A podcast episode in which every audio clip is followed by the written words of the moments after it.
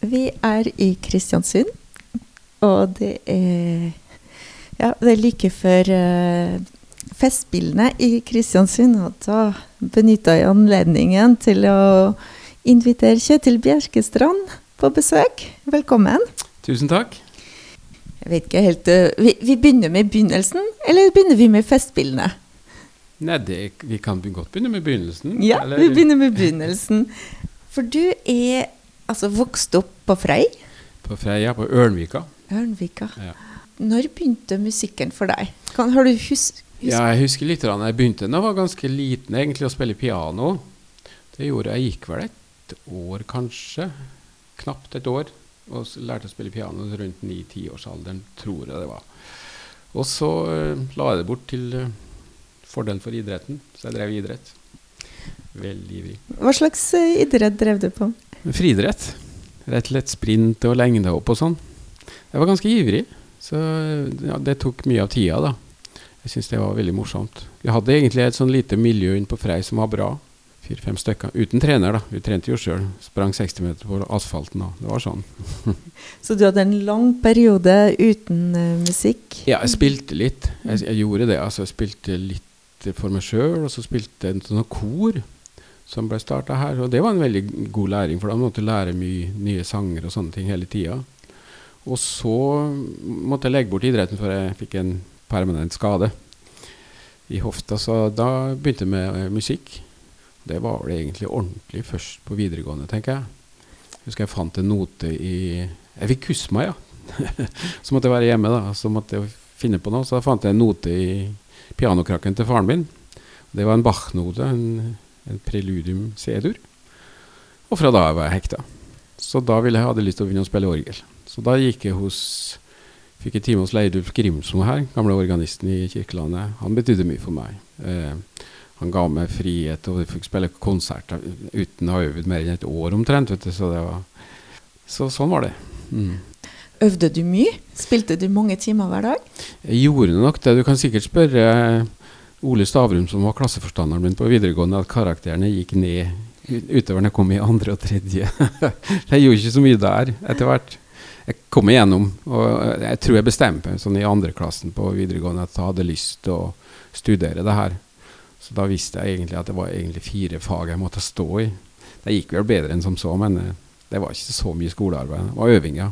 Mm. Det var piano og uh, orgel først og fremst? Eller, uh, da ble det orgel. Ja, orgel, ja. ja Nesten hver dag så var jeg oppe i kirka her og øvde etter jeg var på skolen. Du falt for Bach med en gang. Men, uh, hørte ja. du mest på klassisk musikk også i ung alder, eller hørte du på alt mulig rart? Jeg tror nok jeg hørte på alt mulig, ja. Jeg spilte litt forskjellig musikk også, det gjorde jeg. Men det var da liksom jeg tok alvoret av musikk. da. Det var da jeg begynte å spille orgel. Og så var det Bach som satte meg i gang, men etter hvert så tror jeg det ble de franske komponistene som som jeg ble mest betatt av. Cæsar Frank husker jeg første gangen jeg hørte et stykke av han på orgel, så ble jeg helt Oi. Det var en verden som jeg likte veldig godt da. Etter videregående, hvor studerte du? Da gikk, begynte jeg på Musikkhøgskolen. Rett på Musikkhøgskolen. Jeg hadde jo ingen teoriutdannelse, ingen hørelærerutdannelse eller noen ting. Så den første gangen jeg skrev ned en melodi fra fra en høyttaler og skulle skrive den på noten. Det var jo på opptaksprøven på høyskolen. Aldri, det var jo et sjokkartet opplevelse for meg. Jeg har aldri vært borti noe sånt. Teori hadde jeg lest meg litt på egen hånd. Og øvd har jeg gjort masse, da, så jeg var vel sikkert derfor jeg kom inn. Ikke pga. hørelære, tror jeg, for det. Der lå jeg langt etter. Men i dag har du tatt igjen, kanskje?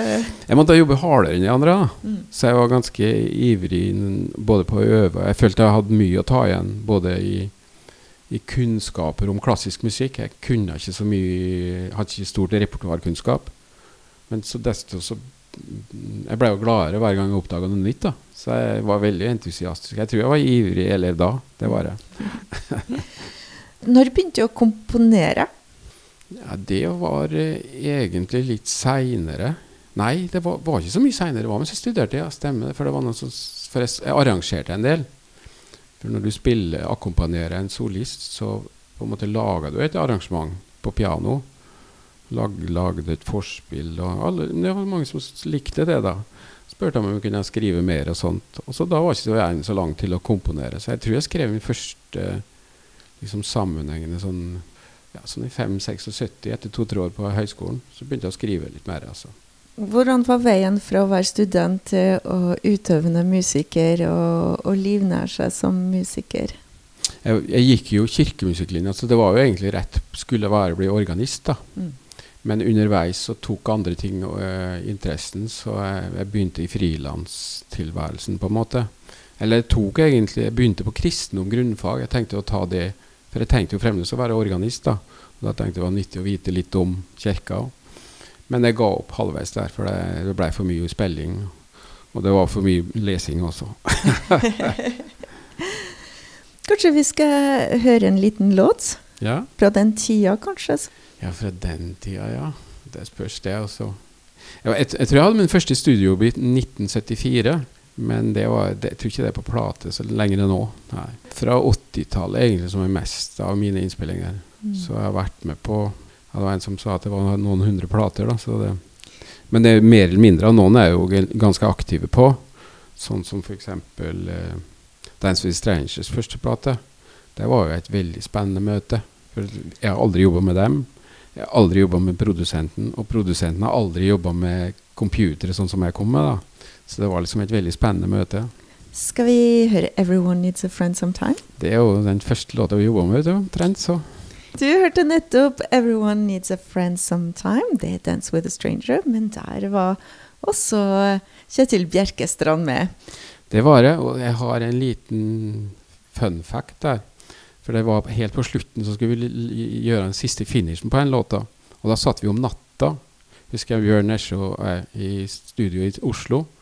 Skulle gjøre det siste syntpålegget, og på slutten der så ligger det bare på to toner. Og jeg sovna mens jeg spilte. Men jeg, jeg, jeg holdt de ton, tonene, så det kunne brukes. Men han lo når hun sto på TV. Så det er en innspilling gjort i søvne.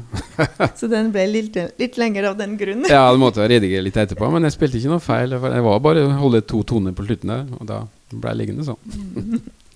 Og så du har mange gode minner fra den innspillingen. Jeg tror alle som var med på den innspillingen, opplevde at vi var med på noe unikt. Et møte, for vi, vi tøyde teknologien ganske mye. Var, vi var veldig tidlig teknologisk, da. Så jeg har fått over noe software fra Australia, flydd over beta-versjoner med masse bugs. Og, og så var det å oppdage en helt ny lydverden for produsenten. Han har aldri vært borti sånne ting som jeg dreier med. Og eh, hele bandet var jo bare lekent. Vi skulle jo bare lage noe fint. Det var veldig positiv atmo atmosfære. Kanskje den morsomste plata jeg har gjort, tror jeg. Den um, utforskertrangen eh, altså Hvis man ser på diskografien din og Du sa du har vært med på så mange innspillinger, og jeg ser det er så mye Det er bredde i det, i det du har jobba med. Det gjenspeiler kanskje den tilnærmingen du har til musikk, med nysgjerrighet. Jeg håper at jeg jeg er nysgjerrig. Altså. Jeg liker å følge med nå også hva som skjer, og, og ta det litt i bruk sjøl òg. Ikke at jeg prøver å kopiere det, men det, det er alltid noen elementer å hente. Jeg tror jeg fikk det litt av orgelæreren min på høyskolen også. Han var ikke så streng på om jeg øvde eller ikke, så jeg kunne være litt slapp der. Men jeg øvde sjøl, da. Men han var så opptatt av klang og registrering av orgelet og sånn. Og vi holdt på i to timer istedenfor én time hver gang. Vi, altså bare for å høre på orgelet og utforske nye ting. Altså, han var nysgjerrig på lyder, og det var jeg også. Og dermed så kom jo elektronikken på en måte som en videreutvikling av det for meg. For det var jo et, nye lyder, nye måter å sette sammen ting på. Så jeg tror på en måte jeg fikk mye av han også der. Du har spilt med Satyricon, Ja. Ray Charles, Didi Bridgewater, Keith Emerson, Carola, aha, Bobby Socks, og, og så har du det klassiske. Hvordan har, du, har disse møtene blitt til? Det har i hvert fall ikke blitt til fra at jeg har ringt. Det, det er stort sett at folk har kontakta meg, men jeg har alltid vært veldig åpen. Altså når, når jeg har jobba med nye, sam, nye sammenstillinger, så har vi liksom alltid nesten hatt et positivt møte. Sånn som f.eks. Ray Charles var jo sånn at jeg jobba med en plate med Anita Skorgan i Stockholm, med en engelsk tekniker. Og vi kom veldig godt overens, vi, vi jobba bra sammen. Og så flytta han til Paris. Og så ble han lydtekniker der, og så kunne han gjøre en duett med Didi Bridgewater og Ray Charles. Og så har de en låt Men de er ikke noe fornøyd med arrangementet, så ringer han meg og sier at her kan du gjøre bra. Så, bare, så da gjorde jeg på Spekk, da. Altså, vil si at jeg betalte alt sjøl, og så sendte han over en demo, så fikk jeg jobben. Så etter det så jobba jeg med Didi Bridgewater i to-tre år i, som kapellmester, og så gjorde jeg en plate med henne og en plate med Ray Charles solo etter hvert. Skal vi høre på en av dem? Ja. 'Precious Things' eller 'Till the Next Somewhere'. Den har to forskjellige titler, tror jeg. Det var et veldig spesielt møte. Jeg kom jo ned til Paris der. Aldri jobba utenlands før. Og så skulle jeg liksom jobbe med Ray Charles, da. Og så husker jeg et, altså hvis, Når han kom, da, så fikk jeg vite at han hadde ikke hørt arren. Så jeg tenkte at han har hørt sparka musikere og alt. Så jeg tenkte at nå så Det sto et filmteam der på 20 stykker jeg skulle lage For det er en svær event i Paris, altså. Didi og Ray Charles skulle gjøre en duett. Og lille meg da kom der, og så, så hører en låta, og så mm, Wanna hear it once more, sier han. Og jeg tenker nå er det krise. Nå er det noe han ikke liker. Og så hører han en gang til, og så Who's the Rangers igjen. Og så må jeg gå fram til den, da, og så I like it. It's different, sier han. Og jeg skjønte ikke hva som var så annerledes, da, men så spurte han om en akkord som jeg bytta. Hvorfor jeg bytta den? Jeg, jeg, jeg, jeg, kan skifte tilbake. Nei, nei, nei. But why? sier han. How? Og så viste han tankegangen. da. Og så da sier han Det vil jeg se på, sier han. Så går vi inn til flygelet. Ray Charles i armkroken min. Så går vi inn på flygelet i det andre rommet der, mens de, alle de andre sitter ute i kontrollrommet. Så sitter vi på pianokrakken og diskuterer akkorder Ray Charles som meg. Det var uvirkelig, det. Jeg strekker meg over liksom sånn, ja. Og så spilte han, husker jeg han spilte en sånn boogie eller noe sånt, så jeg tenkte det bare er i verden som får høre den her. Så det var jo ganske unikt, da. Har du reist mye i, i din jobb? det har jeg. Jeg har brukt opp min klimakvote for å si det sånn, av flying, så den har jeg kutta ut nå. Nei, det har blitt mye reising før, ja. Det var jo mest Europa, da. Men jeg endte opp med også å kjøre litt til Paris, for det var så mye instrumenter jeg hadde med meg. Så det var så tungvint å fly. Så Paris og London stort sett. Da. Det er hovedsakelig du har uh, samarbeid? Ja, altså når jeg reiste med Didi, så var det jo Europa, på en måte. da Italia, Spania, Tyskland og litt forskjellig sånn. Og så har jeg reist etterpå, det er også med forskjellige artister. Men uh, det er ofte sånn at jeg reiser til et sted. Det er ikke så ofte turné. Jeg har sagt mye nei til turneer. Altså. Mm. Ja. I nyere tid så har du, du har reist til uh, Tunisia litt? Rann. Ja. Jeg jobba med en, en, strålende musikant. Jeg husker ikke, det var vel sånn midt på 2005-2006 tror jeg møtte den første gangen. Han skulle gjøre plate og så skulle han gjøre strykeopptak i Norge, for det var en norsk gitarist, Eivind Aarseth, som jobba med han. Så ringer Eivind og spør om jeg kan gjøre strykearrangement. Så gjør jeg det, kvartettarrangement på ei plate. Og så likte han det så godt, for han It's different, sa han òg. det tror jeg på en måte både Ray Charles og han mener at uh, it sounds Nordic. Så på en måte det vi har med oss, da er kanskje en norsk tradisjon eller en klassisk tradisjon som dem som kommer fra et annet sted fra, ikke har. Så derfor har jeg prøvd å beholde den, da. Og, så der, etter det så har jeg jobba mye med Dafer. Jeg har gjort konsert med London Symphony og gjort uh, med BBC og gjort forskjellige sånne konserter med henne, og plater. Vi skal høre en låt, så våre lyttere kan høre hvordan det samarbeidet ble. Ja. Cantus lamentus. Ja. Mm. Det er en sånn blanding av på en måte litt stemmen til, eh, til Dafer er jo noen overjordisk stemme han har. Og så spiller en odd, et sånn tunisisk instrument, og så lager jeg stryk. Da. Så det er litt en blanding av klassisk og, og, tunisisk tradisjon, på en måte, kanskje. da. Nå hørte de nettopp Cantus Lamentus med Daffer Josef og Kjetil Bjerkestrand. Han Daffer Josef er ofte i Norge, har jeg inntrykk også. Han har samarbeidet med mange norske musikere. Ja, han gjorde det veldig mye før. Han Jeg tror ikke jeg har gjort så mye i siste.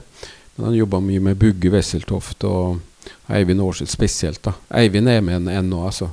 Ja, da forklarer seg ikke uten Eivind.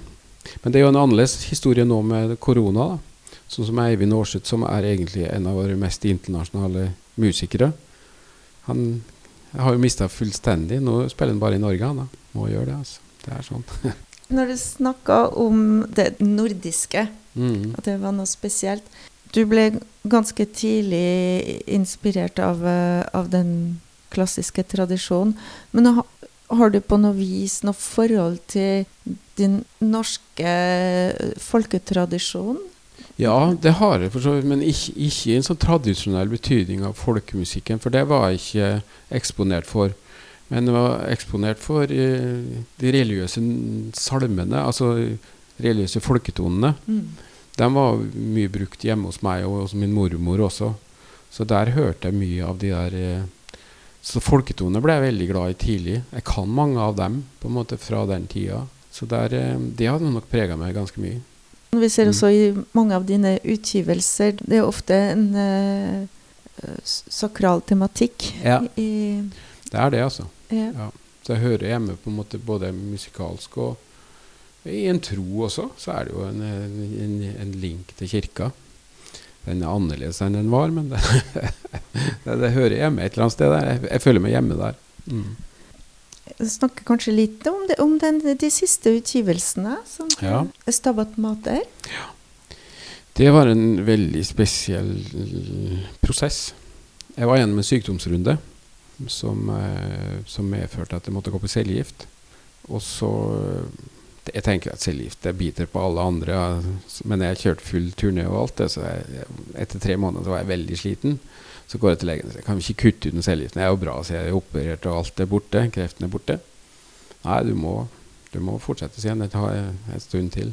Men du må sykemelde. Og så sa jeg kan jeg ikke få laga musikk heller, da? Jo da, men ingen med tidsfrist, sier han. Og det var så forløsende, for da dro jeg og så på en måte sykemeldte meg. Og da hvilte når jeg trengte det, gikk med tur når jeg hadde ork til det. Så lagde jeg musikk uten å på en måte skulle være til noe. Og det var da Stabat Mater oppsto. For Arve Tellefsen også utfordra meg med å skrive ut det litt det vonde nå. Skriv det i musikken. Så ble det en slags dødsmesse, da. Med et rekviem, altså, som da vi døpte om til Stabat Mater etter hvert. Så den blei framført da året etterpå. Arve sa at den skal jeg ha på Kammermusikkfestivalen neste år uansett. uansett. Jeg trenger ikke høre noe igjen, den skal bare være der. Så det er et veldig personlig verk. da. Og det var egentlig ganske krast skrevet, men så hadde Så døde min far. Og han ville dø. Han var, han var, kommet dit det punktet at han Eller ville dø, men han var kommet siden at han følte at nå var det hans Det var ikke så mye mer å hente. Så han valgte egentlig at det er fint å dø nå. Og det ble en vakker død. Så jeg tenkte jeg kan ikke ende den messa med noe krast nå. Så derfor så lagde jeg en sats noen, bare noen dager etter han døde, som heter 'Into Paradise'. Som er avslutninga der, som er bare en sånn vakker sak. Ellers så er det mye krast der, og ja, litt forskjellige ting, da. Fikk skrevet ut mye der. Så det er et veldig personlig verk. Jeg tror også at jeg samtidig da oppdaga en helt ny komposisjonsåre hos meg. Som har gitt meg inspirasjon etter det. Så jeg føler at det har skjedd et vendepunkt sånn musikalsk også da. Skal vi høre 'Into Paradise'? Det kan vi godt gjøre. Yeah. Du hørte nettopp 'Into Paradise' med Kjetil Bjerkestrand. Du nevnte nettopp eh, Arve Tellefsen. Mm. Dere har samarbeidet mye. Ja, vi har over 30 år har vi samarbeidet. Fra 1988 var første gang. Så det er et godt samarbeid.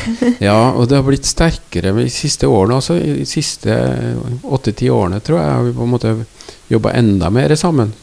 Så vi er også veldig gode venner. Vi møtes ofte, altså til en kaffe og sånne ting. Så jeg tror vi begge gir hverandre nå. Er jo, han er jo en stor inspirasjon. 83 år og sulten som bare det. Vi har planer og holder på å tenke framover og tenke annerledes hele tida. Så nei, det er et sterkt samarbeid. Det første samarbeidet var jo den plata som heter Pan, som vi gjorde i 1988. Da har vi aldri møttes før vi begynte da. Og det var også et veldig sånn eh, eh, spesielt samarbeid, for det var jo første gangen en klassisk fiolinist spilte inn med bare elektronikk ved siden av seg. Så den ble jo kritisert sønder og sammen i non-miljø, og rosa i skyene. Og den solgte jo vanvittig, så det var jo det var et veldig spesielt prosjekt. Det var det, altså. Hender det at dere kaster litt ball til hverandre, eller uten at dere går direkte og gir en utgivelse, eller spiller en konsert sammen? Hender det at dere Ja. utveksler ideer og råd? Ja. Jeg sender av og til ting til han som jeg er litt usikker på. Holder det her, arbeidet, spør jeg. Og så kan han si sine egne eh, eh, ordentlige meninger. For han er oppriktig. Jeg vil, jeg vil ikke ha noe bullshit. Liksom. Jeg vil ha at han skal si det han mener. Både han bruker jeg til det, og han første produsenten til Stranger, den som er Stranger, Bjørn Esjø. Han er også en sånn samarbeidspartner som er fullstendig ærlig. Som hvis jeg er litt i tvil sjøl, så sender jeg det til han, og så får jeg en ærlig tilbakemelding. Jeg trenger det. Jeg trenger folk som er eh, gode venner og ærlige. Skal vi høre et lite stykke fra Pan? Ja. Tenk på Gabriels obo. Ja, den var litt spesielt også, for den kom helt på slutten av innspillinga. Og vi, vi hadde akkurat sett filmen 'Mission'. Og så sier Arve at det, det var så sterkt, for det er jo en av de vondeste scenene der. Så er det den vakreste musikken. Så lagde vi bare Fantes jo nesten ikke noe innspillingen av den, så vi måtte bare lage det den første delen der. Lagde jeg bare ut fra noen temaer som var der. Så den har aldri vært sånn fra Morricones side. Men uh, den blei jo sånn nå. Nå hørte du nettopp Gabriels obo med Arve Tellefsen og Kjetil Bjerkestrand. Du har også jobbet med en del med film og teatermusikk? Det har jeg gjort, ja. Jeg, har gjort, jeg gjorde min første film. Det var vel i 86. 'Veiviseren', som jeg gjorde først. Så Det var jo litt av en ilddåp å gå rett på den. Og den ble jo veldig spennende å gjøre. Og, og ble jo veldig godt mottatt også, da. Så siden så har jeg vel gjort en 15 spillefilmer, tror jeg. Så jeg har gjort masse TV-filmer, og masse for Ivo Caprino. Supervideografer som står rundt i landet ennå, 12-13. Så jeg har gjort mye teatermusikk også. Siste jeg gjorde nå, var i fjor på på Nationaltheatret. Symborska, en, en, polsk dikter som fikk Nobelprisen for noen år siden. Vanvittig flotte dikt, altså med, med en, nederlandsk regissør. Ja, så det er blitt en del forskjellig. Hvordan jobber du? Har du en, eh, en fast uh, faste rutiner, en fast metode, e, eller er det forskjellig fra gang til gang? Jeg liker å si at det er forskjellig fra gang til gang, men det, det er vel sikkert en metode. Men det er vel i hvert fall jeg, jeg er glad i å jobbe. Veldig glad i å jobbe. Så jeg sitter lange dager. Eh, jeg står nok opp tidlig. Relativt tidlig. Og jeg tror de dagene jeg kommer i gang tidlig, er de beste, friskeste. Men jeg har alltid en eh, Etter sykdommen også så tar jeg alltid en mosjon hver dag. Halvannen time fjelltur eller noe sånt. Så det gjør godt. Og etter det så kommer du til frisk tilbake, og da kan jeg sitte lenge. Og jeg liker, jeg liker å ha god tid. Mm, ja, jeg bruker det òg. Du eksperimenterer mye. Uh, ja. hvor, uh, hvor, henter du inspirasjon? Det er jo masse steder å hente inspirasjon. Mm. Når det gjelder musikk, så er det jo mye som skjer rundt omkring. Kanskje ikke det som kommer på radioen, for det er ikke alltid like spennende. For den er jo så formatert.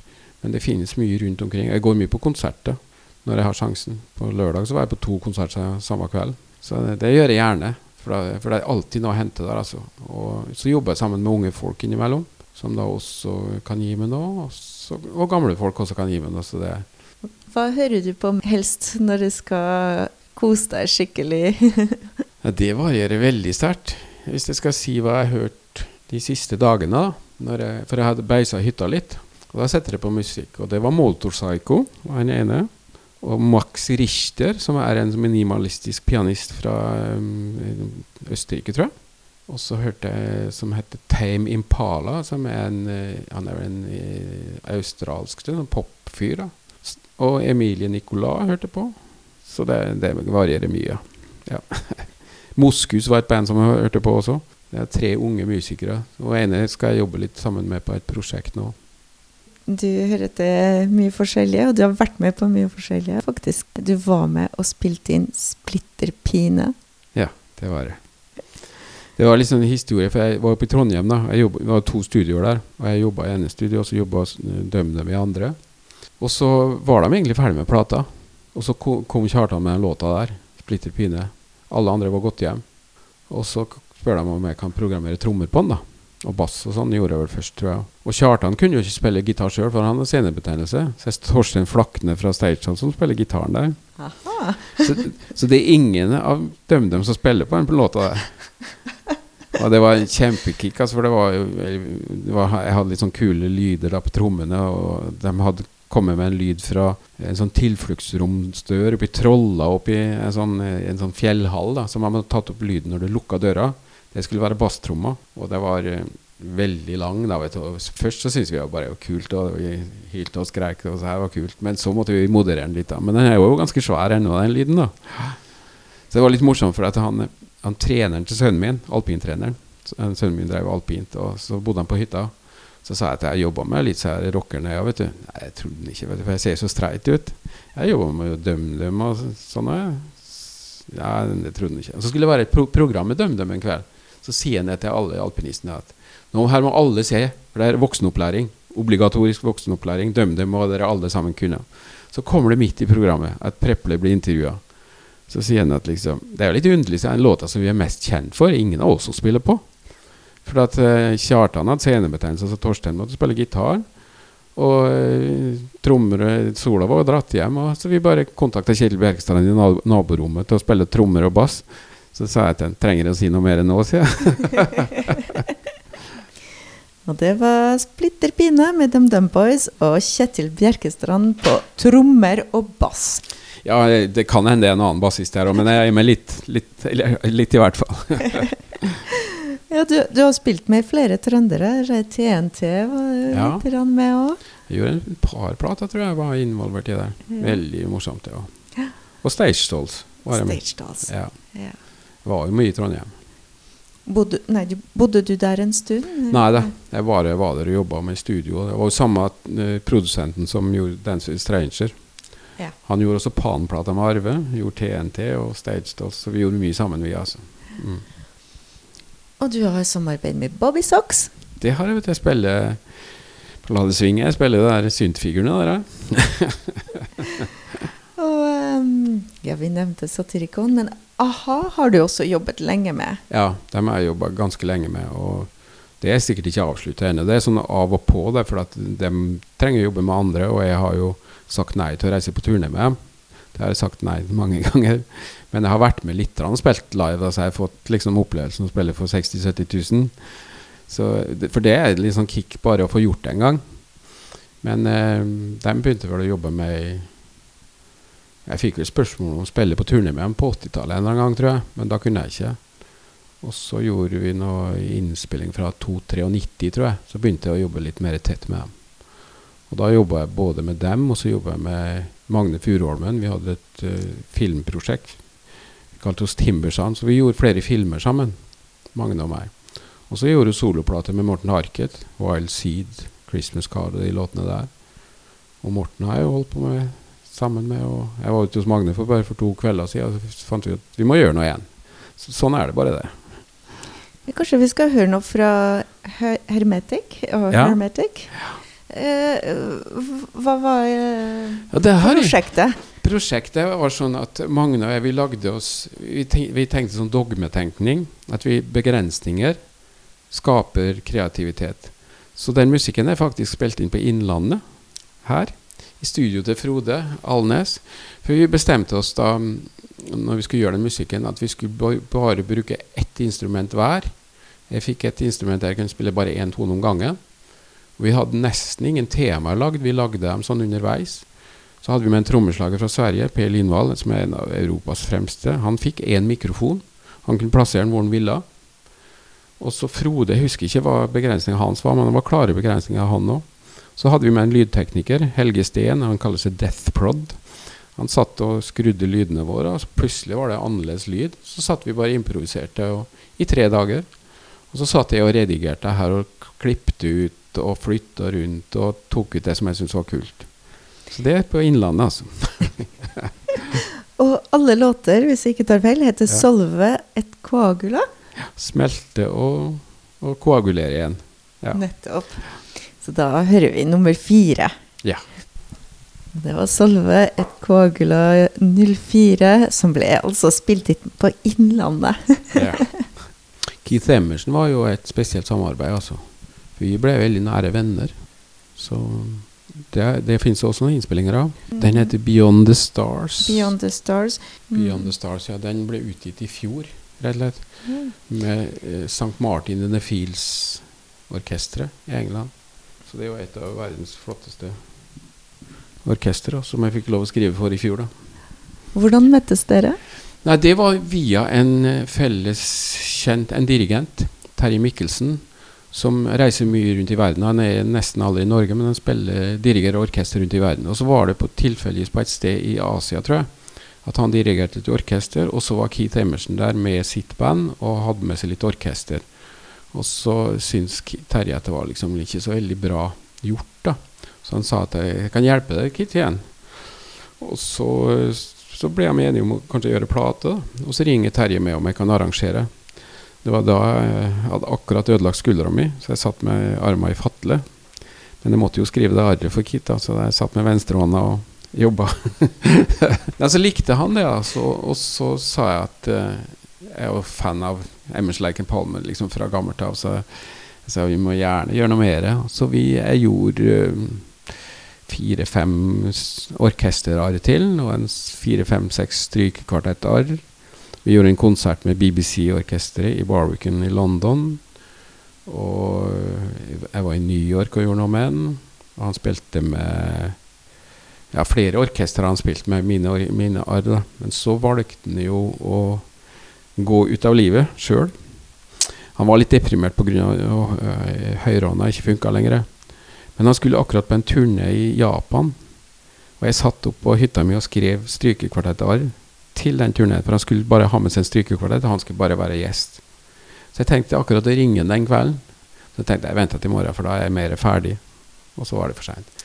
Så han har eh, Jeg har fire strykekvartetter som ikke er framført ennå. men så hadde jeg foreslått en låt som heter 'Beyond the Stars' til uh, Som jeg skrev et, liksom et arr på for orkester, da, sånn nesten ferdig. Og så sa han det likte jeg. Jeg hadde ikke noe tro på den låta, sier men eh, det blir jo fint. det her, sier Så, så ga han noen sånn tilbakemeldinger til meg, og så lot jeg det ligge. Så når det ble snakk om å gjøre en plate med Keiths musikk i fjor, da, med St. Martin in the Fields, så sa jeg det til oppdragsgiveren at liksom, jeg har jo en låt her som har aldri vært utgitt, som ingen har hørt. Og da um, sendte jeg den Beyond the Stars, og alle likte den. Så den plata ble jo hettende Beyond the Stars. For det er jo på en måte nesten treffende når han ja. ja. Så det er veldig rørende. Det var sterkt. Men Keith ble en god venn. altså. Vi snakka ofte sammen. Så jeg blei fryktelig lei meg da han eh, Men det måtte være for tøft for han, altså. En periode. Da hører vi 'Beyond the Stars' til Keith Emerson. Kjetil Bjelkestrand, du komponerer, du spiller, du arrangerer, du produserer. Ja. Jeg produserer ikke så mye lenger enn nå. Nei. Nei, det mest Mer og mer komponering. Arrangering også. Og så spiller jeg litt. Du må ut og få applaus en gang iblant. det blir kjedelig å sitte bare og skrive. Men jeg, jeg skriver mer, ja. Så nå skal jeg faktisk skrive en film igjen. Og da med min gamle samarbeidspartner fra Veiviseren, Nils Gaup, skal jeg regissere en film. Så ringte meg og spurte om jeg kunne gjøre det. Så det ble jo kjempehyggelig. Er det hemmelig? Eller? Jeg veit lite om det sjøl. For han skulle sende mer info i neste uke, så jeg veit veldig lite. Han spurte bare om jeg hadde mulighet til å gjøre det. Mm. Så opprettholder du kontakt med Kristiansund? Du er nå aktiv her òg? Ja, jeg blei jo veldig stolt av å bli spurt om å være leder av Kunstnerisk råd. Det var, jo, det var på en måte veldig veldig ærefullt. Det var det. For det er jo Peder her som har, Peder Rensvik som har liksom holdt det gående og vært en drivkraft av en annen verden. altså her. Så det er jo litt sånn litt skrekkblandet fryd å ta over, på en måte. Jeg syns jo det. Så, ja, når vi snakker om Festspillene i Kristiansand Ja, som, ja. De, som de nå heter. Ja.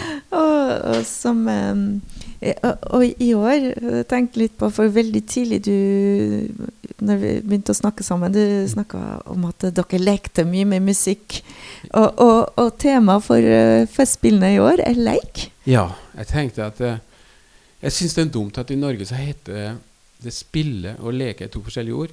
På engelsk er play begge deler sammen. På tysk også spilen. Det er leke og spille.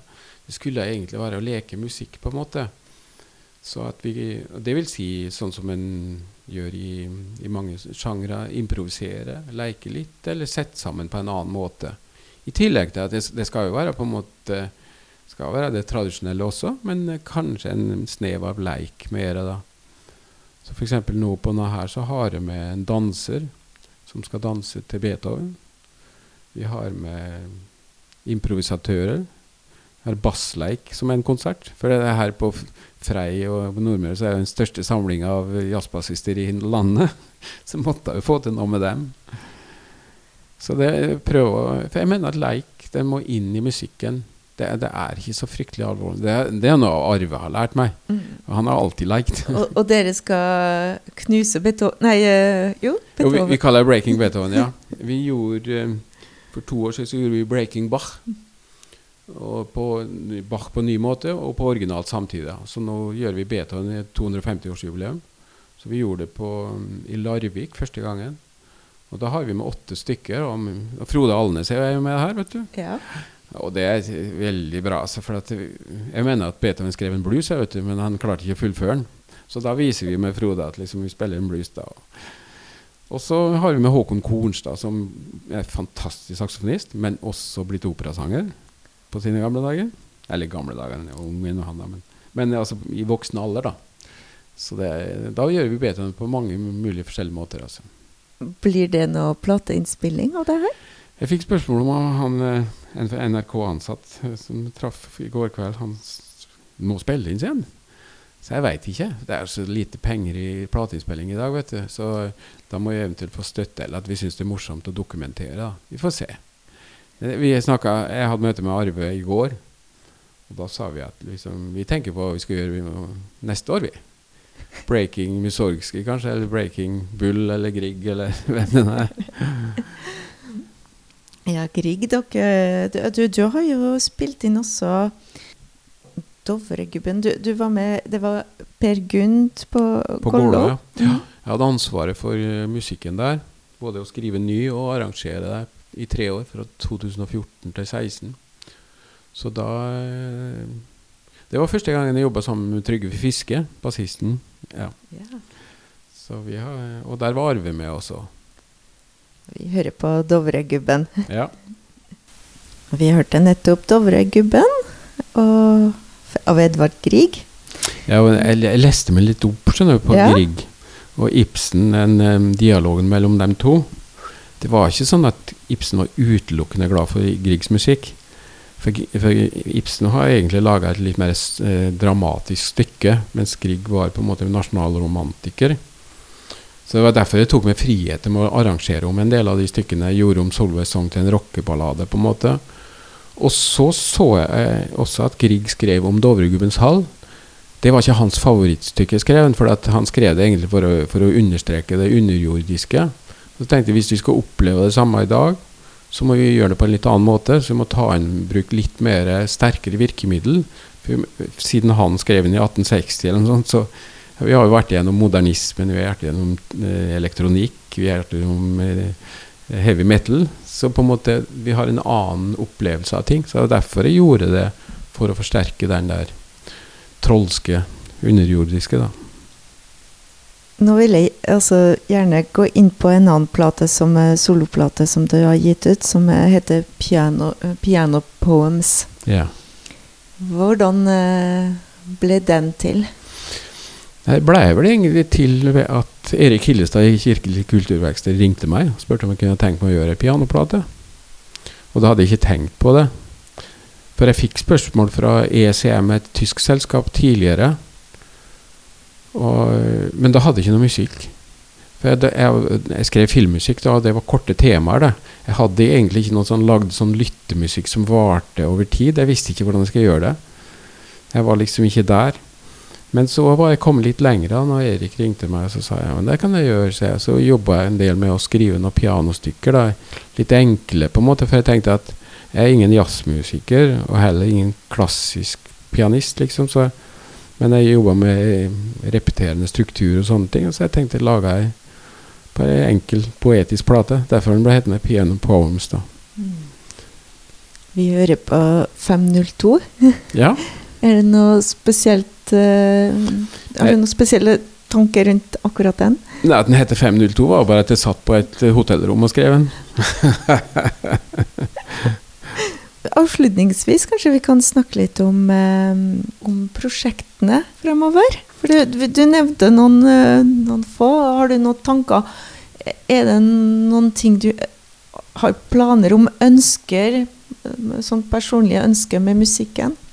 Ja, jeg, jeg, som jeg sa, at jeg følte at jeg oppdag, gjenoppdaga på en måte en litt sånn annen måte å skrive musikk på. Både sånn rent teknisk, men også på en måte mitt eget uttrykk gjennom Stabat Mater. Så jeg føler jeg har fryktelig mye ugjort ennå. Så jeg skrev en fiolinkonsert her mm, under koronaen nå til ei fiolinist. Og da er jeg for en strykekvartett og to elektronikk. Litt det samme besetningen som Stabat Mater. For jeg syns den blandinga mellom akustisk og elektronisk er ikke utforska nok ennå. Jeg har solid planta i begge deler. Så jeg syns det er spennende å jobbe der. Jeg har også lyst til å gjøre det med et orkester etter hvert, men det er større utfordring fordi det må større anlegg og sånne ting. Men nå skriver jeg da den kvartetten, og den skal vi framføre. Den er ferdigskrevet, altså, så, så den skal vi framføre sikkert på nyåret. Og så har jeg noen filmprosjekter, og så har jeg en bestilling for noe, noe sangsyklus. Som også skal gjøre med, med, bare piano og sang. Det er også en utfordring for meg, for det, har jeg nesten ikke gjort så nedstrippa. Det setter jo større krav til um, på en måte skrivinga. Og så skal jeg utgi noen noter. Jeg har ikke fått utgitt notene mine ennå. Annet piano poems pluss en del pianostykker. Det er flere, altså Forlagene har vært på meg at jeg må skrive det ferdig nå, og nå er jeg snart ferdig. Og også at Mater skal ut på noter, og sånne orkesterverker også, tror jeg. En ting vi ikke uh, snakka om, er Stabat Mater. Der mm. jobb, jobber du med Liv Marie ja. Roken. Ja. Hun synger jo på Inter Paradise, og er, hun er en fantastisk sanger. altså. Så liksom, Hun traff jo den nerven med en gang, hun, så det var liksom ikke så mye å si til henne. Hun bare var der. Hender det at du har utvikla noen nye instrumenter, eller gjort ting om til et instrument? Nei, jeg, jeg veit ikke om jeg har gjort det, men jeg bruker instrumenter i F.eks. Jeg, jeg bruker vocoder, jeg vet ikke om du vet hva det er. Noe som er brukt på, på popinnspillinger nå, og som ble brukt mye på 70-tallet. Det bruker jeg på klassiske stykker. Så f.eks. nå på Breaking Beethoven så spiller jeg Beethovens femte på en vocoder. Og bruker termin, som er et sånt russisk instrument. Så jeg bruker instrumenter som som er brukt i ofte andre sammenhenger, men jeg tar dem inn i mer litt sånn klassisk verden. da. Jeg synes det, det er det som jeg syns er spennende. da. Jeg har jobba mye med pop og rock og, opp gjennom årene, men det er jo ofte en litt mer ungdommelig form også. Det holder du på med når du er yngre, oftest. Så kanskje går det over til et litt annet uttrykk etter hvert. Så jeg tar med den elektronikken som jeg brukte der, da, tar jeg med inn i min klassiske skriving på en måte. da og prøve å skrive Det skal være vondt innimellom òg, tenker jeg. Musikk skal ikke bare være please, den skal irritere òg. Den fineste kritikken jeg har fått, det er om Stabat Mater. Han var en strålende kritikk ellers òg, men han skrev til slutt 'Jeg ble forvirret, men rørt'. Det er jo det vi ønsker, på en måte. Hvilken låt syns du vi skal avslutte med? Ja, Det er vanskelig, det. Hadde du funnet fram noe som du kunne tenkt deg? Kanskje mitt hjerte alltid vanker? Ja. For jeg har en drøm om deg nå. Ja. Som jeg sier, liksom Folk spør meg liksom hva, hva er din tro? Så sier jeg min tro vil jo være at det, tiden opphører. Og at jeg kan sette meg ned og møte Bach, min pappa, Keith Emerson og meg, og så setter vi oss ned og diskuterer hvordan skal vi gjøre mitt hjerte alltid vanker. Og høre hvordan Bach ville ha gjort den, f.eks. Det er min drøm om en sånn eh, en tilværelse etterpå. Da ville jeg vært fornøyd. Tusen takk, Kjetil Bjerkestrand. Takk skal du ha.